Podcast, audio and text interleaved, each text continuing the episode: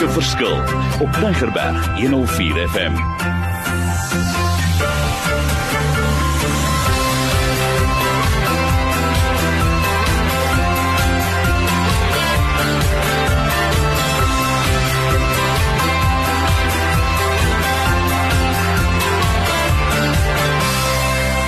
Goeiemiddag en welkom by die tweede sessie oor dankbaarheid en danksegging. My naam is Shanay Fabricius en ek staan nog steeds in vir Dr Denton.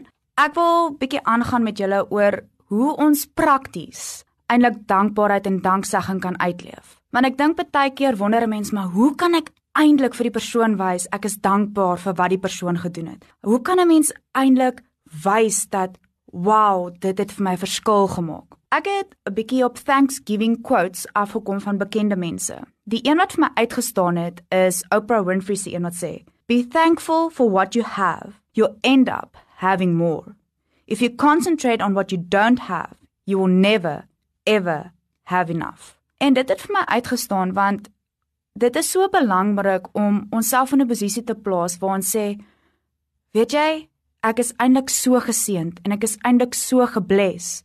met wat ek het. As jy jou oë in die oggende kan opmaak, ek kon in 'n warm bed geslaap het. Wow, ek het 'n gesin. Wow, ek het 'n familie. En in my geval het ek die voorreg om te kan studeer. En dit is nie altyd maklik vir 'n student om dankbaar te wees nie, want dit is net dit is 'n gejaag en dit is 'n jy moet voor jou boeke gaan sit, jy moet hierdie taak ingee, jy moet hierdie assignment doen. En dit is die hele tyd te gejaag in plaas van om te besef die voorreg wat ek het om actually te kan studeer, om actually die gifts wat die Here vir my gegee het te kan verder vat. En soos wat ek laas gesê het ook dat partykeer is hierdie tydperk herinner dit ons aan geliefdes wat ons in die jaar verloor het of geliefdes wat ons mis. Miskien sukkel jy om 'n familielid te vergewe wat jy graag by die familie ete wil hê. Maar as ons in hierdie feesseisoen ingaan, dink ek dit is regtig belangrik dat 'n mens dit toepas en dat 'n mens daai stappie vat. En dis hoekom ek sê dat ons prakties dit kan uitleef, dat ons prakties dit kan oorweeg. Die ons een vers wat vir my baie belangrik is is 1 Tessalonisense 5 vers 16 tot 18. Ek gaan dit in vir julle in Engels lees. Rejoice always. Pray continually. Give thanks in all circumstances, for this is God's will for you in Christ Jesus. Is dit nie mooi nie? Rejoice always. Wees altyd in 'n blye gemoed. Pray continually. Elke keer bid, elke dag, elke minuut, elke tyd wanneer jy 'n kansie kry. Give thanks in all circumstances. Al is dit in die diep donker tye, nog steeds rejoice en weet dat God se wil is daar vir jou. Nou maniere hoe 'n mens bietjie gratitude miskien in hierdie feesseisoen waarin ons nou gaan kan uitbeeld en 'n celebration van kan maak. As jy in daai lang ry staan, smile vir die persoon. Hê 'n gesprek met die persoon agter jou. Die tyd mag dalk net vinniger uitloop. Act without reward. Dis baie keer 'n moeilike een. Partykeer wil 'n mens ietsie terug ontvang. Maar daai satisfaction wat jy kry van om ietsie te doen sonder om iets terug te ontvang. 'n Mens kan dit nie beskryf nie. Skryf 'n briefie. Ek dink met vandag se tegnologie en vandag se fone besef ons nie eintlik hoe belangrik dit is om nou en dan miskien net 'n notaatjie of 'n briefie te skryf vir jou man, vir jou dogter, vir jou seun, vir jou pa of jou ma, net om te sê dankie vir wat jy vir my gedoen het. 'n Koppie koffie vir hulle in die oggend te vat en vir hulle te sê, weet mamma en pappa, baie dankie vir hierdie jaar se bystand en die support structure wat jy vir my was. Nog ene wat ons as jeug miskien bietjie sukkel mee is be present. Met vandag se tegnologie, jy sit permanent op jou foon of op die iPad of op die tablet of 'n klein skootrekenaartjie of jy speel speletjies en dan sit jy om 'n tafel in 'n restaurant, maar jy aandag is so afgetrek met jou tegnologie dat jy nie luister na wat die persoon vir jou sê nie. So wys vir jou dat jy luister. Wys vir die persoon dat jy stel eintlik belang. Dit is 'n manier om te wys, "Wow, ek neem actually in wat jy sê." Nog ene is provide encouragement.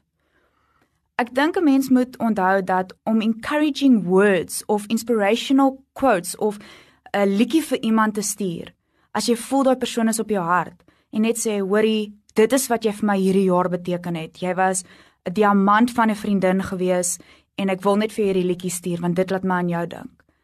Daai woorde van dat jy vir wat die persoon vir jou beteken het. Dit maak 'n groot verskil in daai persoon se lewe. Want ek dink nie ons besef altyd dat as ons nie dankie sê nie, dat die persoon baie keer wonder maar het ek nou actually 'n verskil gemaak? En 'n mens hoef nie so te wees nie, maar om net te weet dat daai persoon dit eintlik waardeer het en eintlik vir jou net wys hoorie jy is 'n stunning mens en ek bless jou met hierdie liedjie of ek bless jou met hierdie woorde. Nog eene wat vir my baie interessant is is share your skills. Help vir ander mense. Wys vir hulle, hoorie, jy kan dit doen. Ek kan jou so help. Want dit is 'n manier om te wys, hoorie, ek deel met jou 'n gedeelte van my en ek help jou. As 'n mens vat na die Here om gratitude en danksegging vir die Here te wys, is een van die goed wat vir my uitstaan, do what Jesus told you to do. Love one another. Be patient. Al ry daai taxi voor jou in. Wees net geduldig. Be joyous. Have the peace in you. Want met die Here in jou lewe het jy daai inner peace. Jy het daai joy, jy het daai vreugde. En dan die ander ding is, don't put a gift from God in your sock drawer. As die Here vir jou 'n geskenk gegee het, gebruik dit, wys dit. Deel dit met ander mense. Want dit is wat die Here wil hê jy moet doen en dit is hoe jy dankbaarheid vir hom wys. Moenie net sê dankie sonder betekenis nie. Sê thank you. Sê dankie vir die Here. Gaan op jou knieë en sê vir hom, Here, dankie vir hierdie amazing jaar. Dankie vir hierdie geleenthede. Nou ek weet ook dat dit is nou al lekker om hierdie Thanksgiving en hierdie danksegging en hierdie feesseisoen in te gaan. Maar en mens wonder bietjie wat gaan 2020 inhou? Gaan ek weer 'n great jaar hê? Gaan daar weer struikebrokke wees? Wat gaan die uiteinde van 2020 wees? Dan staan 'n vers wat ek wil hê julle moet luister of by julle hou. Filippense 4 vers 6 tot 7. Do not be anxious about anything but in every situation by prayer and petition with thanksgiving, present your requests to God, and the peace of God, which transcends all understanding, will guard your hearts and minds in Christ Jesus. En dan nog 'n versie wat vir my daarby pas is, 1 Peter 1:7. Thankfulness grows our faith and trust in God. Thankfulness grows our faith and trust in God. So as jy die twee bymekaar sit as 'n samevatting, die drie verse wat ek gelees het, 1 Tessalonisense 5 vers 16 tot 18, Filippense 4 vers 6 tot 7 en 1 Pieter 1 vers 7. As jy mense saamvat, sê dit rejoice always, pray continually. Don't be anxious about anything, but pray in every situation and know that God will guard your heart and your mind. Thankfulness grows our faith and trust in God. So hou hierdie woorde in julle hart. Hou hierdie woorde in julle gedagtes en weet net dat in hierdie tydperk leef, wees dankbaar, geniet jou familie, hê joy, hê vreugde, hê vrede en weet dat die Here julle sal bless en die Here julle sal vashou en omvou. Want dis 'n tydperk waar ons in ons families net kan sien hoe lief die Here ons eintlik het. Want om deur ons saam met ons families hierdie familie etes en die familie feestyd te geniet, kan ons net weet dat die Here is so lief vir ons.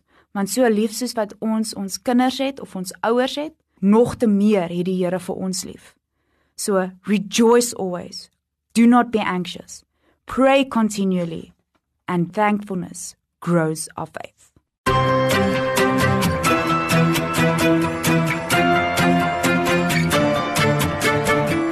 Opnames van Maak 'n Verskil is te kry op Potgooi via Tigerberg 104 FM se app of te wel toepassing.